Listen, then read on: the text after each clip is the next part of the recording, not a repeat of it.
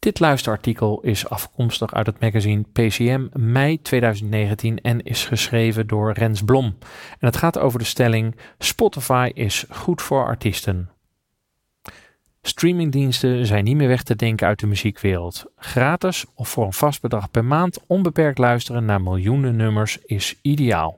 Toch is er ook kritiek, onder andere van platenmaatschappijen en kleinere artiesten.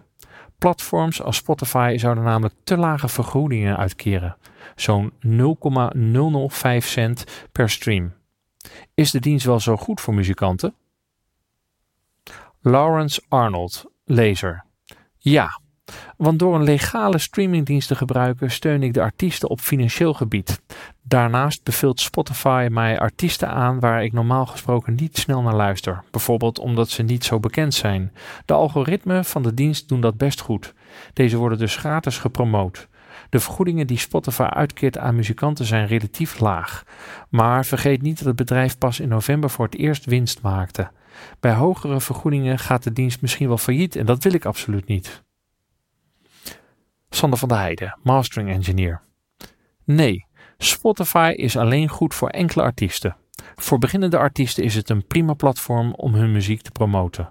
Maar de meeste artiesten, degenen die geen promotie nodig hebben, verdienen over het algemeen weinig, omdat Spotify per stream uitkeert. Dat is jammer, want om zoveel mogelijk streams te krijgen, moeten ze hun muziek nog meer geschikt maken voor het grote publiek. Spotify's verdienmodel is alleen interessant voor een paar heel populaire artiesten. Dat wil echter niet zeggen dat het platform niet goed is. Het is een te gekke dienst om muziek te luisteren en te ontdekken. Jeffrey Noordermeer, rapper. Ja, Spotify is het platform voor zowel de beginnende als de professionele artiest. In dit digitale tijdperk is downloaden en streamen erg populair en met Spotify hou je er als muzikant zelf wat aan over. Zie het als een extra inkomstenbron in een lastige tijd. Daarnaast kan de dienst voor flink meer naamsbekendheid zorgen. Je bereikt via Spotify een groter en nieuwer publiek, wat mede te danken is aan de slimme afspeellijsten. Als je dit rekensommetje door hebt, is Spotify echt je beste vriend die je nooit meer kwijt wilt, zowel als artiest als luisteraar. Victor den Hollander, jurist met muzikale cliënten. Ja, Spotify is denk ik ook op de lange termijn goed voor artiesten. Zo is dankzij Spotify gemakkelijker voor artiesten om hun muziek beluisterd te krijgen. Onder andere door de playlist-functies in Spotify, waarbij luisteraars en fans nieuwe muziek ontdekken. Financieel is Spotify denk ik op de lange termijn ook goed voor artiesten.